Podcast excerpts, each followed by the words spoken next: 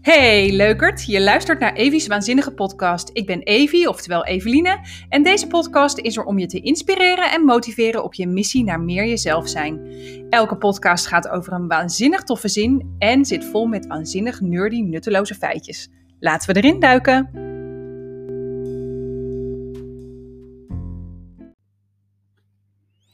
Hey, hey, welkom bij deze aflevering van Evie's Waanzinnige Podcast.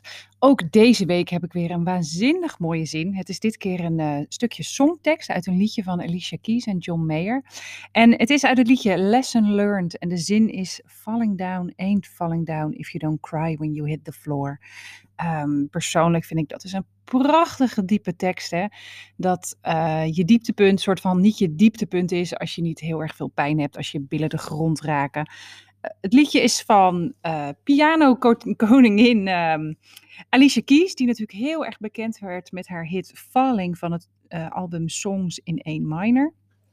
En opvallend is dat zij in 2016 besloot geen make-up meer te gebruiken om een ander voorbeeld te zijn voor haar kinderen en voor haarzelf. En zich dus alleen nog maar bij hoge uitzondering uh, laat opmaken voor bijvoorbeeld een, een fotoshoot of een event. Maar meestal zie je haar dus met een super clean look die gewoon helemaal van haarzelf is. Uh, mee op dit liedje is ook John Mayer. Hij is gitaarvirtuoos natuurlijk bekend van liedjes als Your Body is a Wonderland en Gravity. En zijn uh, sluwe aan celebrity vriendinnen. Nou, het liedje Lesson Learned gaat over als je genoeg opofferingen hebt gemaakt, is het misschien tijd om los te laten en te kiezen voor jezelf en nog mooier als een soort phoenix boven je dieptepunt uit te stijgen. En uh, daar wil ik het vandaag met jullie ook over gaan hebben. In deze aflevering deel ik meer van mijn persoonlijke verhaal. Dat gaat over uh, extreme oververmoeidheid, over burn-outs, over overprikkeling en je weg terugvinden naar je eigen passies en verlangens. Laten we daar eens induiken.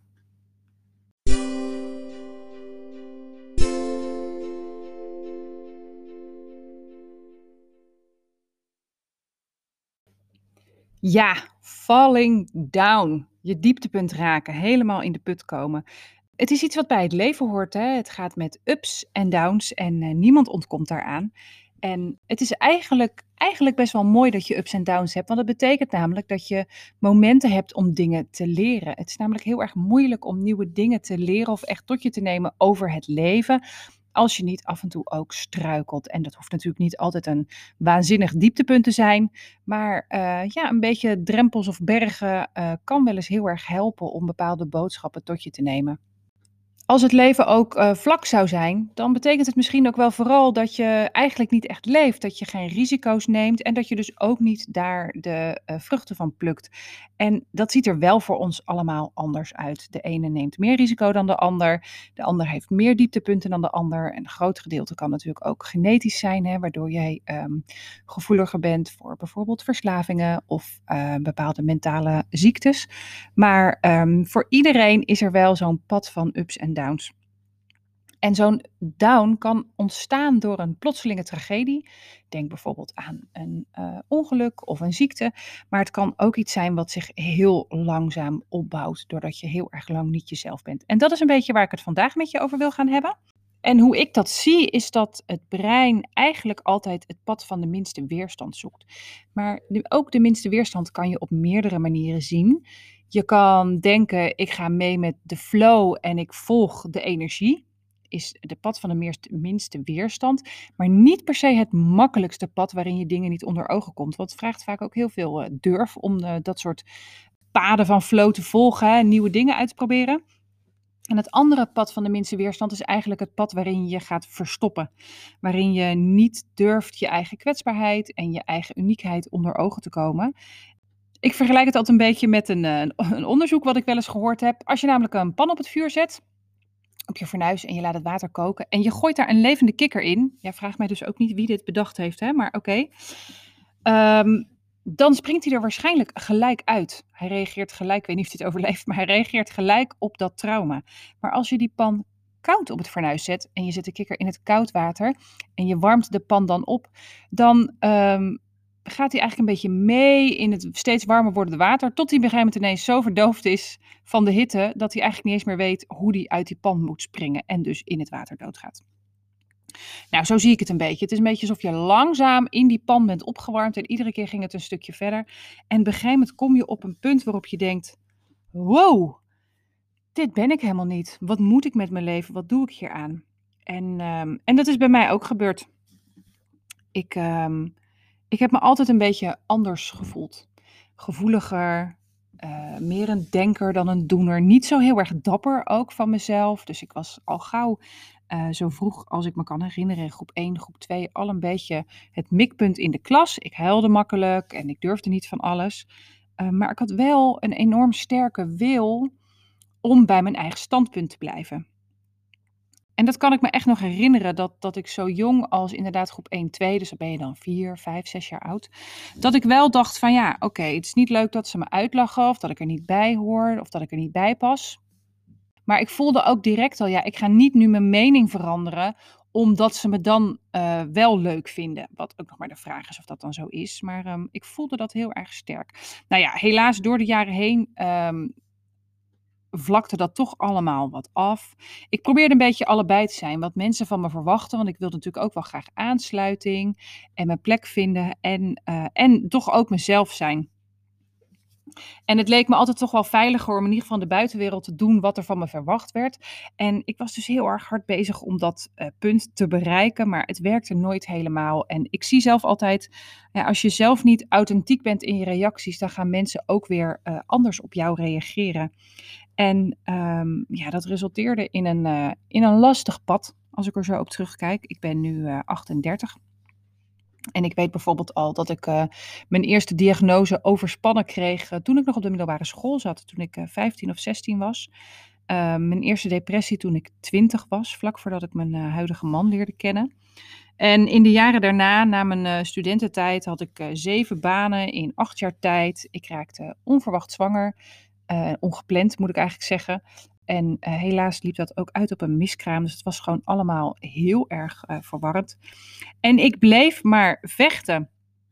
En ik dacht, ik ben aan het vechten om het beter en goed te doen. Maar wat ik nu terugzie, is dat ik vooral uh, tegen de stroom in aan het vechten was. En dat pad waar ik op zat, had nooit uit kunnen komen bij waar ik nu ben. En um, ik was vooral uh, bang om te accepteren wie ik was. Ik had zo'n zo'n diep verlangen om die stem te horen in mezelf en daar wat mee te doen. Bepaalde keuzes te maken voor ander soort werk, andere studies, maar ik durfde gewoon niet. En dat duurde een beetje tot, uh, tot de tweede werd geboren. Zo rond 2014, 2015. Ik weet natuurlijk, het is in 2014, maar in dat jaar daarna uh, was mijn jongste bijna een jaar en mijn oudste was vijf. En ik was inmiddels uh, al zes jaar thuis zonder werk. Wat trouwens echt een enorme opluchting was, als je toch niet helemaal lekker ergens in past. Ik was overprikkeld, angstig, ik had mist in mijn hoofd. Ik was nog aan het bijkomen van de traumatische tijd uh, rond de bevalling van de eerste. Nu een tweede, dus er werd nog meer van me verwacht. En dat resulteerde zich in het feit dat ik eigenlijk ja, een beetje verlamd was. Ik sliep of rustte wel uh, de meeste delen van de dag, de meeste dagen van de week. En dan heb je het over um, 12 tot 15 uur per dag in bed liggen of op de bank liggen en ook veel slapen. Dus ja, dat was uh, niet echt een super mooi uitzicht. Zo dadelijk in het volgende segmentje duik ik even met je in. Uh, ja, wat gebeurt daar dan als je op zo'n dieptepunt zit?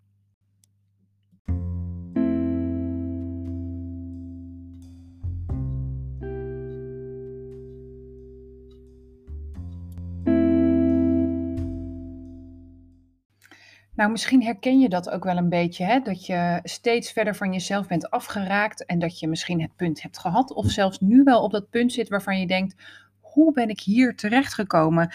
Um, wat, wat heeft mijn leven nu te maken met wat ik wil en wat ik verlang en wat ik droom?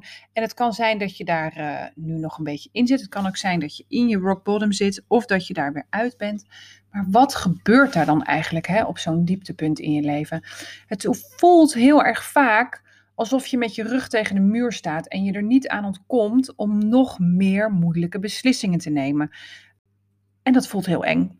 Want je wil daar eigenlijk niet zijn. En je wil eigenlijk ook niet die moeilijke, enge beslissingen nemen. Want die heb je inmiddels al behoorlijk lang, of zeer lang, niet genomen. Het kan zijn dat je, daar al, dat je daar al heel erg lang in zit. Kan ook zijn dat dat pas een paar jaar voor je geldt. Of dat dat is ontstaan bijvoorbeeld naar een uh, levensveranderende gebeurtenis. En eigenlijk wat daar gaat gebeuren als je in ieder geval ervoor kiest om de moeilijkste weg naar buiten te nemen. Want je kunt je natuurlijk ontzettend verdrinken in uh, verslaving, in andere slechte, uh, zeg maar, uh, kopingsgewoontes, hè, manieren om ermee om te gaan. Maar op het moment dat je besluit, nee, dat ga ik dus niet doen. Het is nu tijd om het werk te doen wat hierbij nodig is. Dan begint dat vaak met accepteren waar je nu, nu bent, waar je nu zit. Uh, dat is dus echt helemaal geen uh, mooi plaatje. En, en, dat betekent niet dat alles slecht is in je leven. Maar uh, ja, het vraagt nogal wat ehm, durf om te kijken naar waar je nu zit. En, en, en misschien ook hoe je hier gekomen bent. En, en wat aan je leven allemaal dus niet is wat je graag zou willen zien. En het vraagt ook om te stoppen met al die veiligheidsovertuigingen uh, en manieren die je had gevonden de afgelopen jaren om er toch maar een beetje mee om te gaan, maar die dus niet echt werken. En die je elke keer in dezelfde positie zetten, namelijk één stap verder verwijderd van jezelf. Mm, ook begint daar een stukje uh, verwerking hè, van, van uh, nou, misschien dingen die je hebt meegemaakt die ertoe leiden dat je uh, jezelf anders bent gaan gedragen of anders bent gaan leven of dat je daar op die ja, laagste punten terechtkomt. En als het goed is, als je echt durft te kijken naar um, waar je nu bent en waar je naartoe wilt, kom je langzaam maar zeker open te staan voor verandering. En bij iedere, iedere stap die je zet om niet te luisteren naar het, dat wat je in het verleden deed of dat wat niet voor jou werkt, maar naar wat je eigenlijk verlangt, sta je open voor de volgende verandering. Want iedere verandering is, als het goed is, vanaf daar niet per se makkelijk, maar vult een beetje een gat in je hart, zullen we maar zeggen. En um, ik vond daar een mooie quote over, waar, we overigens een hele nieuwe aflevering over kunnen maken. Maar ik gooi hem er hier even in. When we hit the lowest point, we are open to the greatest change. En ik heb je net al een beetje verteld van, nou, waar stond ik? Hè? Ik stond dus uh, met twee jonge kinderen, onder de vijf. Alleen maar slapen, alleen maar moe. Niet zozeer fysiek, maar vooral heel erg mentaal. Ik was uh, niet suicidaal, ik wilde niet per se dood, maar wel dat constante gevoel van, ja, dit leven biedt mij ook niks. En dat zijn best heftige dingen om toe te geven aan je partner. Van, uh, hey, um, ja, niet om het een of het ander, ik heb geen hekel aan jullie, maar um, mijn leven zoals het er voor mij uitziet, doet het niet helemaal voor me. En als zelfs je kinderen en je partner dan niet meer het gat kunnen vullen wat wordt achtergelaten door hoe jij jezelf natuurlijk niet vult. Als zij dat niet kunnen compenseren, wat natuurlijk mega logisch is, want A is dat niet hun taak. En B, als je in dat dieptepunt zit waar ik zat, doordat je zelf niet voor jezelf bent opgekomen, hè, voor wat je verlangt en wie je bent, dan gaat niks of niemand dat gat vullen. Dat heb je namelijk al geprobeerd al die andere jaren en dat werkt dus niet. En uh, het betekende dat ik op een punt kwam waarop ik zei: Ja, weet je, misschien is dit het dus. Misschien zal ik dus het grootste gedeelte van mijn leven, of in ieder geval tot nou, mijn hoofddag, tot de kinderen het huis uit zijn en ik die zorgtaak wat neer kan leggen, het grootste gedeelte van mijn dag uh, in rust moeten doorbrengen. En, um, en, en ook nog dat het dan van oktober tot april, wanneer het seizoen niet meewerkt, het nog erger is. En dat ik bijvoorbeeld uh, amper de, de mentale um, capaciteit kon opbrengen om bijvoorbeeld vaker dan één keer per maand in het weekend iets af te spreken met vrienden of familie. Dat is twaalf keer per jaar, dat is niet echt heel veel. Weet je, dat soort dingen werken op allerlei vlakken door. Ik voelde me niet op mijn gemak in con contact met anderen. Ik durfde niet echt dingen te doen. En weet je, nu achteraf is het zo makkelijk om te denken: jeetje, als je gewoon was gaan doen wat je leuk vond, als je dat had gedurfd eerder, dan had je, had je al die oververmoeidheid niet gehad. Het heeft bij mij dus nooit direct een fysieke oorzaak gehad. Dat gevoel had ik overigens ook niet. Daarom was ik ook niet in een medische malle molen terechtgekomen van wat is er met mij aan de hand. Ja, en als je daar dan zit, ga je dus voor het eerst bewust denken, wat werkte dus niet? En hoe scary ziet dat er dus nu uit, die plek waar ik zit? Als ik nu terugdenk aan waar ik was zo lang in mijn leven en zeker op die plek, dan uh, jeetje, dan, dan, uh, dan beknijpt het me nog steeds wel een beetje. Uh, er is dus best een reden voor dat als je in je dieptepunt zit en daar naartoe werkt, dat je niet helemaal durft te kijken naar waar je bent. Ik was bijvoorbeeld ook uh, inmiddels heel erg lang gestopt met werken, had daar ook niet meer de ambitie voor. En dat merkte al dat ik veel meer uh, ruimte had om meer te zien wat ik wilde. Hè? Want juist door met een baan zoeken en in een team passen en doen wat ik dus eigenlijk niet leuk vond, werd het steeds erger. Hè? Iedere keer die confrontatie van ja, je bent niet goed genoeg of het werkt niet. Het was een beetje, een beetje uh, het punt waarop ik stopte. Een, een vierkant blokje in een rond gat te duwen. Vind ik wel een hele mooie.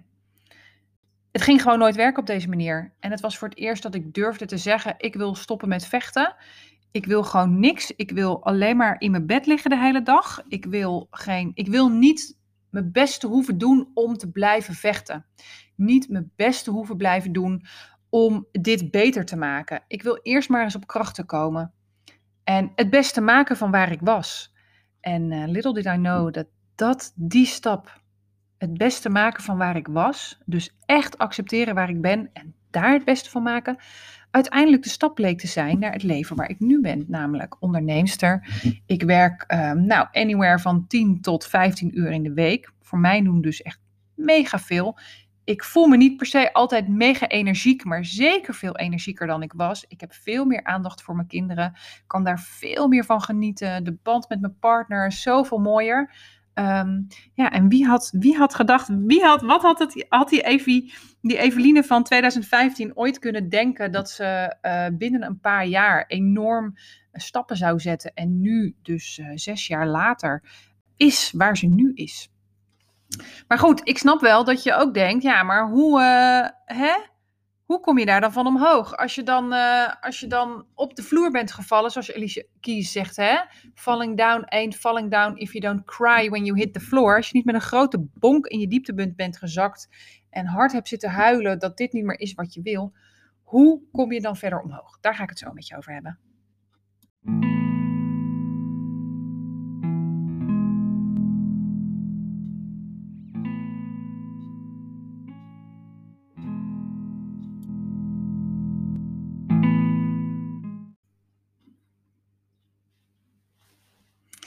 Okay, dus hoe kom je nou omhoog? Je zit op dat dieptepunt. Je denkt, uh, ja, shit, dit is niet waar ik moet zijn. Soms is het ineens duidelijk waar je heen wil, maar soms moet je daar ook echt wel wat voor doen. En het vraagt sowieso enorm veel durf en moed en actie van jezelf. Je moet verantwoordelijkheid nemen. Er gaat echt geen prins op het witte paard komen om je te redden. Ik ben helemaal het type mens wat op het prins op de witte paard gaat zitten wachten. Maar uh, ja, nee, die is niet langskomen rijden. Het bleek een prinses op het witte paard te zijn, namelijk ikzelf. Hey, even zonder gekkigheid. Je, je, je zult jezelf uh, wat vragen moeten gaan stellen. Namelijk, uh, wat maakt je gelukkig? En wat maakt je ongelukkig? Misschien dat je bij een van de twee sneller antwoorden hebt dan bij de ander. Soms weet je gelijk wat het niet moet zijn, omdat je, omdat je heel erg geconfronteerd wordt met wat je nu hebt en niet wil. En soms weet je wat het gelijk wel moet zijn. Uh, waar wil je heen, zo ongeveer? Hè? Wat zijn je passies? Hoe goed ken je jezelf eigenlijk? En uh, wat verlang je?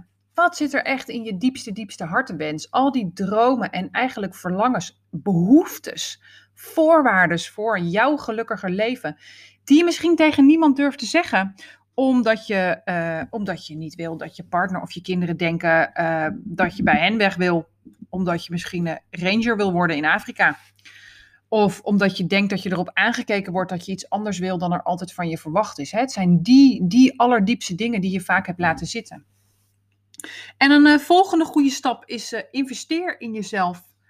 Uh, dat kan geld zijn, dat is meestal de meeste aan de oppervlakte gedachte, maar dat is niet alles. Namelijk durf om hulp te vragen van anderen. Hè? Durf je kwetsbaar op te stellen en ervoor uit te komen dat je met een probleem zit.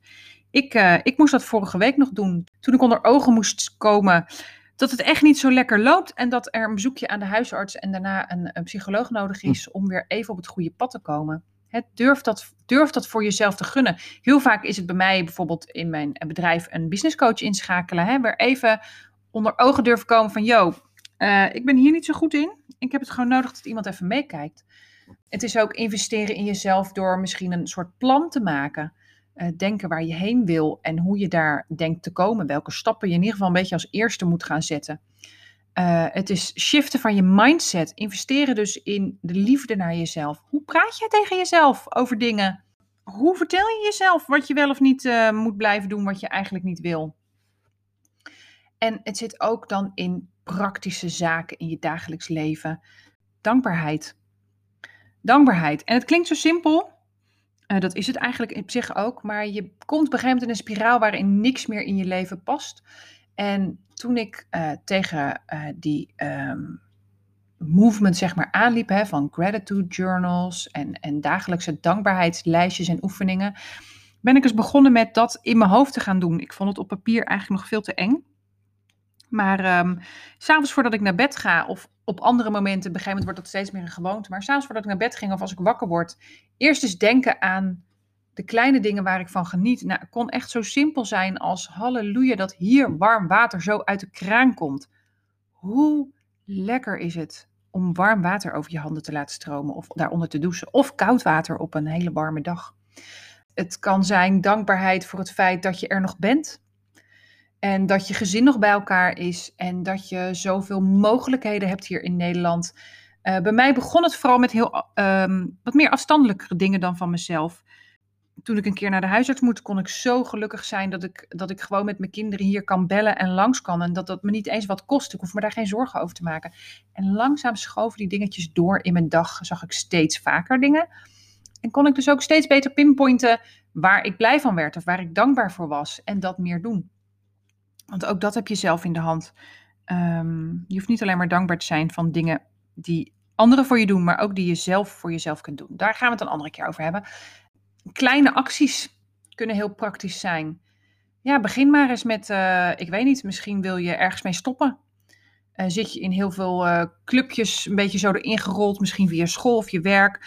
En heb je zoiets, ik wil dat gewoon eigenlijk niet. Nou, begin maar met één voor één die dingetjes te laten vallen. Misschien begint het met een uurtje voor jezelf in de week inplannen, waarop je even iets voor jezelf kan doen. Het tijd om je schilderhobby weer op te pakken, of weet ik veel, met een sudoku in de zon te gaan zitten. Um, durf dat maar eens uit te gaan proberen. Voor mij, um, en misschien voor jou ook als je dit al hebt meegemaakt, was toen ik eenmaal durfde toe te geven aan die gedachte van dit is het. Toen, begon, toen stond ik eigenlijk pas open voor dat proces om eruit te komen. En ik had dus helemaal niet doorgehad. Ik dacht dus ik ben keihard aan het vechten geweest en ik wilde dit niet en ik leg me er niet bij neer. Maar wat ik eigenlijk aan het doen was, was gewoon echt keihard tegen de richting inzwemmen. Uh, en dan ga je echt niet komen waar de flow je heen wil brengen. Ja, weet je, het is, het is op dat moment pas dat ik, dat ik later zag dat ik dacht: oh my god, je was niet heel erg aan het vechten voor wie je was. Je was heel erg aan het proberen dat vierkante blokje in dat ronde gat te krijgen. Maar het ging nergens heen, want dat ging je nooit lukken en ook nooit vervullen. En ik stond dus toen pas open voor de mogelijkheden en, en de opties die ik eigenlijk had om binnen een aantal jaar dat hele schip de andere kant op te sturen. En het begon gewoon met de mogelijkheden die ik had op dat moment, namelijk het beste maken van de, van de shit en de diepte waar ik in zat. Dat begon dus met mezelf toe te staan om te mogen gaan rusten en slapen op alle momenten van de dag dat het uitkwam. Uh, me daar niet meer voor te schamen. Um, uh, de druk van het huishouden naast me neer te leggen. Maar ook ik ben een enorme tv-liefhebber, of laat ik zeggen, een visuele leraar. En zelfs lezen was te veel moeite, maar een documentaire kijken op YouTube, nou, dat kostte me superveel minder moeite. Dus dat ging ik meer doen. Leren op die manier, zeg maar, hè? meer van de wereld om me heen openen. En zo kwam ik langzaam terecht in ook uh, de wereld van Law and Attraction. En uh, Mari ben ik zo tegengekomen. En die, die heeft mij er uiteindelijk uitgetild. Want dat was de eerste grote klik van Oh, dat is tof wat ik daar iemand op YouTube zie doen. Dat, dat is, ik wil dat. Dat is overigens dus in, in hè, rond 2015 de eerste keer geweest dat ik dus echt uit kon stappen. Ik dwaal een beetje af. Ja, het gaat dus om je passies volgen en te proberen je interesses en je passies te voeden daar waar je bent en met die kleine stapjes die je kan. Nee, je hoeft niet gelijk een enorm schilderij te maken als dat je ding is. Maar misschien kan je met kleine dingetjes beginnen. En die dingen ook om je heen ophangen in huis, die kleine schilderijtjes. En zo ja, dat gevoel te voeden hè? En, te, en te herbevestigen dat je op de goede weg bent. Het kan beginnen met kleine uh, dankbaarheid oefeningetjes. Ik had het daar net al over. Ook dat uh, is heel erg mooi. En ook meer acceptatie van jezelf. Accepteren dat jij nu op dit dieptepunt zit en dat er meer gewoon even niet in zit. En dat dingen blijven liggen. Oké, uh, ik ga je dadelijk meenemen in het laatste stukje. Die komt eraan. Tot zo.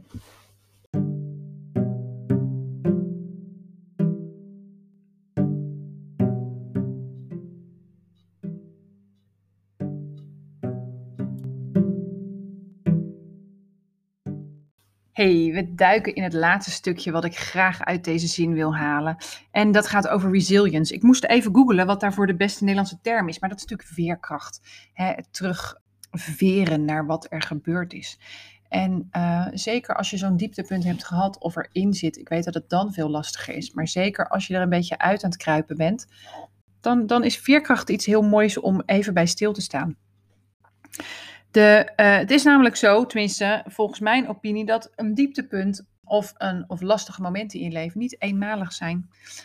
Uh, meestal blijft het toch een kwestie van ups en downs. Dat is dus ook hoe je leert en hoe je dingen uh, in je opneemt en je leven bijstuurt. Het kan je dus enorm helpen voor je leven om dat in je achterhoofd te houden. Dat het gewoon een golven zijn. En dat het erbij hoort. En dat je altijd weer omhoog komt, maar dat het ook vaker gaat gebeuren. Dat haalt ook de druk ervan af wanneer je merkt dat het even niet zo lekker gaat. En um, wat ik heel erg bijzonder waardevol vind in, in veerkracht, is niet te onderschatten hoeveel effect plezier heeft op jouw leven.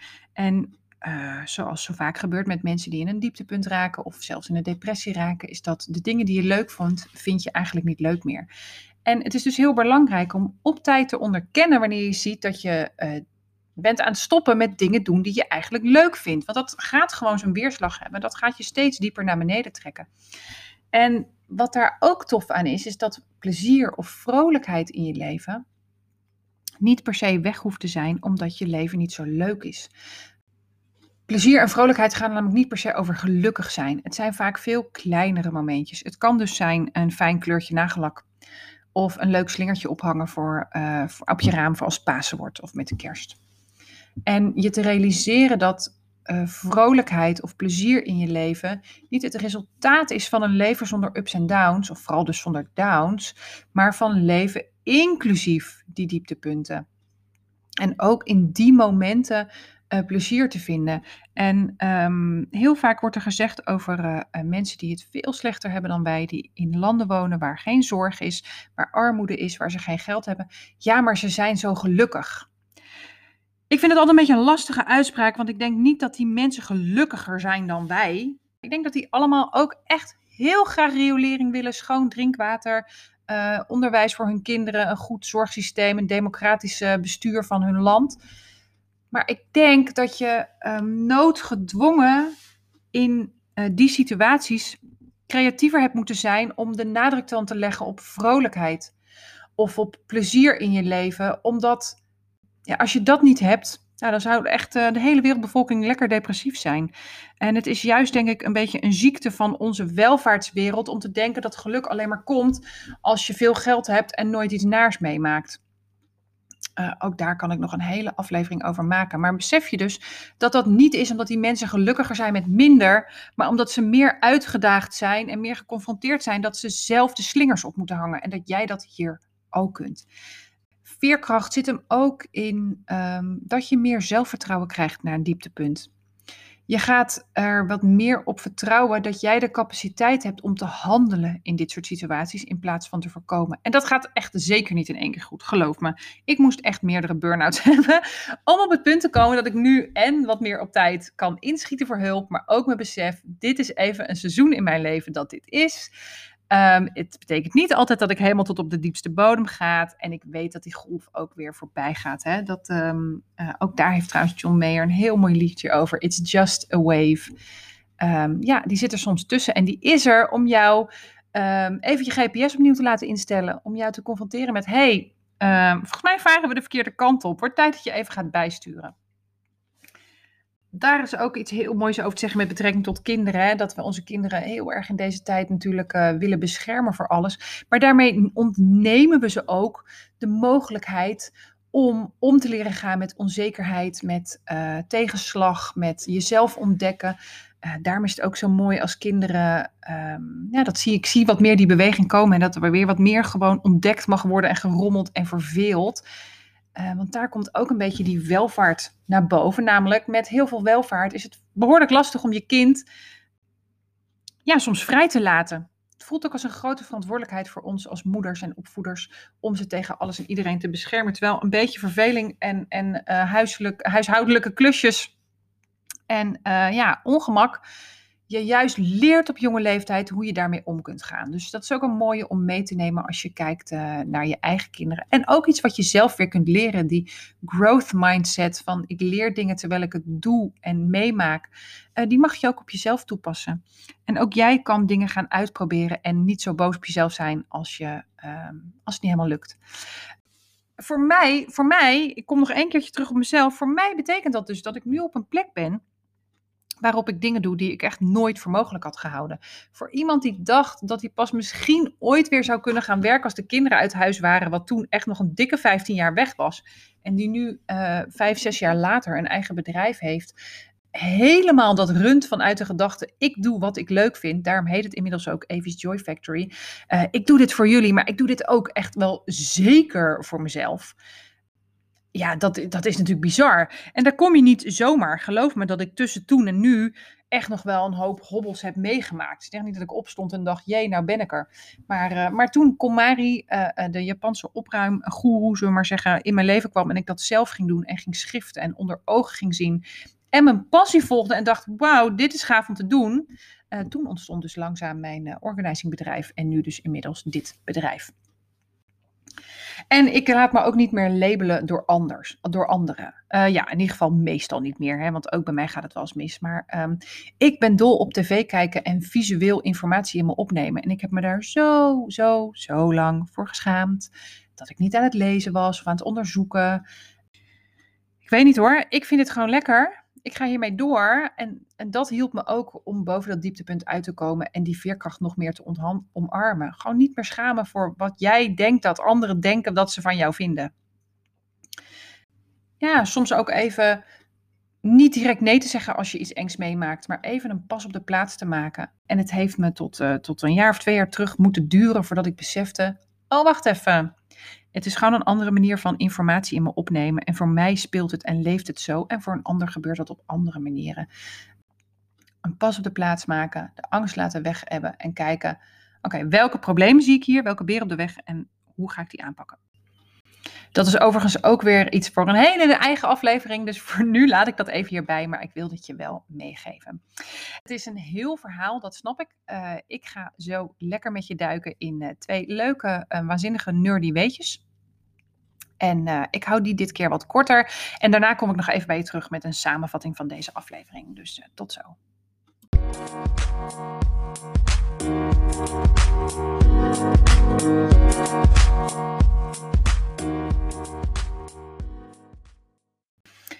Ik hoop dat ik jou wat heb mee kunnen geven door mijn verhaal te delen. En um, ik geef me er zelf ook wat voor mee. Want voor iemand, um, en dat geldt misschien wel voor iedereen die een dieptepunt heeft of niet. Schaamt zich voor bepaalde dingen. En ja, ik heb mij jarenlang geschaamd voor het feit dat ik moe was. Altijd moe. Heel veel moe. Um, en het is voor mij heel helend om zelfs nu, nu ik daar best wel ver bovenuit ben, maar het nooit altijd weg is, om daar zo op beeld, op camera, maar ook op audio voor uit te komen en mijn uh, verhaal daarover te doen. En ik hoop natuurlijk ook dat je stukjes hebt gehoord die je herkent, of die je aan het denken zetten, of uh, ja, dat je een bepaalde troost of juist inspiratie uit mijn verhaal hebt kunnen halen.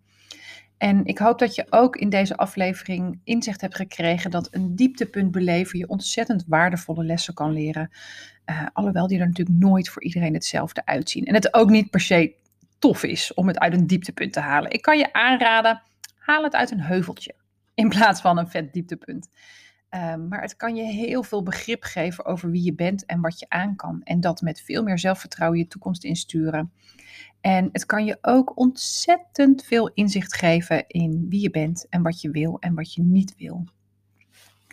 Het kan je helpen om dankbaarheid naar de voorgrond te halen in je leven. Want uh, het is iets wat ik toen heel bewust deed, maar wat ik nog steeds heel erg veel deed.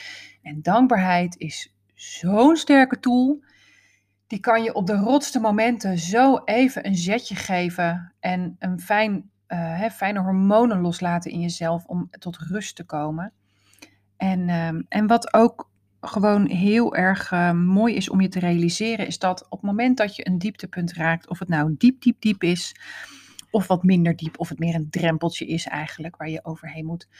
Dit soort momenten geven je de bijzondere mogelijkheid in je leven om even stil te komen staan. En dat voelt natuurlijk super tegenstrijdig, want je wil door en je hebt haast en alles. Om even stil te komen staan. En de mogelijkheid tot je te nemen om je leven nieuw vorm te geven.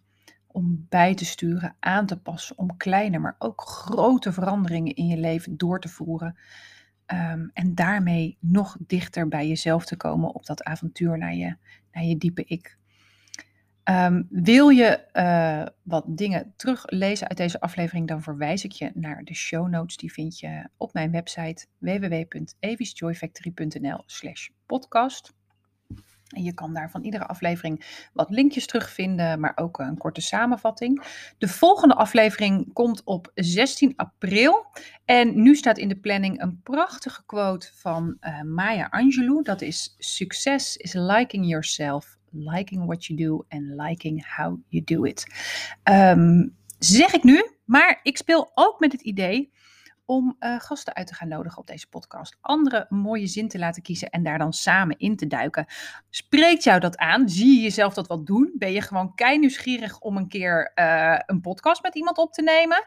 Dan uh, stuur me even een berichtje, sowieso. We, we, we hebben het er dan even over, want ik vind het tof om nieuwe mensen te ontmoeten en daarin te duiken. Of ken je iemand anders? Tip het dan even. Natuurlijk mag je ook altijd de podcast delen als je denkt, dit is tof voor iemand die je kent. Voor nu laat ik je met rust om even te verwerken wat je allemaal hebt gehoord. Ik hoop natuurlijk van harte dat je bij de volgende aflevering terug bent. En ik wens je nog een hele mooie dag. Doei!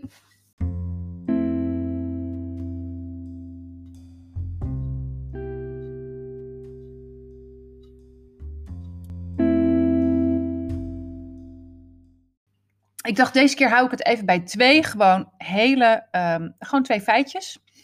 En uh, als je daar meer over weten, kun je lekker zelf gaan googlen. Uh, ik had al even gezegd in het begin dat Alicia Keys inmiddels uh, zonder make-up door het leven gaat. Ik overigens ook. En geloof me, ik heb echt een mega bleke huid. Ik heb bijna witte wimpers. De hoeveelheid keren dat ik heb gehoord, doe eens wat make-up op je gezicht. van klasgenootjes vroeger op de middelbare school. Of zelfs ook van mijn moeder wel eens. Of van wie dan ook. Ja, I know. Maar ik heb er gewoon geen trek in. Zeker in de tijd dat ik super vermoeid was, was überhaupt make-up van je ogen halen, al, al weet je, een beetje mascara eraf halen, vond ik echt al too much. De laatste jaren heb ik rode lippenstift ontdekt, vind ik heel erg leuk. Maar ik moet je eerlijk zeggen, nu al een jaar thuis. Ik, uh, ik ga gewoon uh, zitten hier lekker as I am hoor. Ook met klanten, ook op video. En um, ja, nou ja, zo so be. Oké, dat werd alweer een heel lang ding. Um, maar wat ik daarover, ik dacht, laat ik daar toch eens induiken. En wat ik dus een heel grappig feitje vond, wat ik tegenkwam, is dat in 1770 er in de Verenigd uh, Koninkrijk een wet was die het verbood voor vrouwen om mannen in het huwelijk te verleiden, hè, te verleiden tot een huwelijksaanzoek, met uh, parfums, make-up, maar ook dingen als valse tanden en nephaar. En ik vond dat wel echt hilarisch, want um, ja, ik weet niet hoor of jij dat ook denkt, maar wat zegt dit over mannen? En hoe naïef ze zijn over denken dat we er altijd zo uitzien. Of dat werkelijk een paar valse tanden uh, zouden gaan werken. Ik vond dat heel erg grappig. Ik moest daar heel erg gelijk aan denken van oké, Oké, dit is wel een hele omslachtige manier om je eigen dommigheid uh, te verbergen en vrouwen de schuld te geven. Um, en uh, volgende eh, feitje wat ik erg tof vond gaat over, over, over stenen, over je rock bottom. Daar moest ik even aan denken. Ik associeer dat dus allemaal lekker door. En dat is dat het Griekse, of dat het woord kristal, hè, wat wij gebruiken voor kristallen, komt van het Griekse woord kyros, wat ijs, ijskoud betekent. En uh, men dacht dus vroeger dat kristallen zo diep bevroren ijs was en dat het nooit meer zou ontdooien. Ja, vond ik erg grappig en, en ik wilde je daarbij ook iets moois meegeven in de show notes. Namelijk, ik heb daar een hele mooie uh, link naar een fotoserie van National Geographic over een grot in Mexico waar kristallen echt drie keer zo groot zijn dan mensen. Heel tof om even in te duiken. Als je net als ik helemaal into nerdy weetjes bent. Hm. En nou, nu heb je in ieder geval iets leuks te vertellen in je volgende Zoom-meeting. Dus bij deze, doe er wat mee en dan uh, loop ik met je door naar de samenvatting.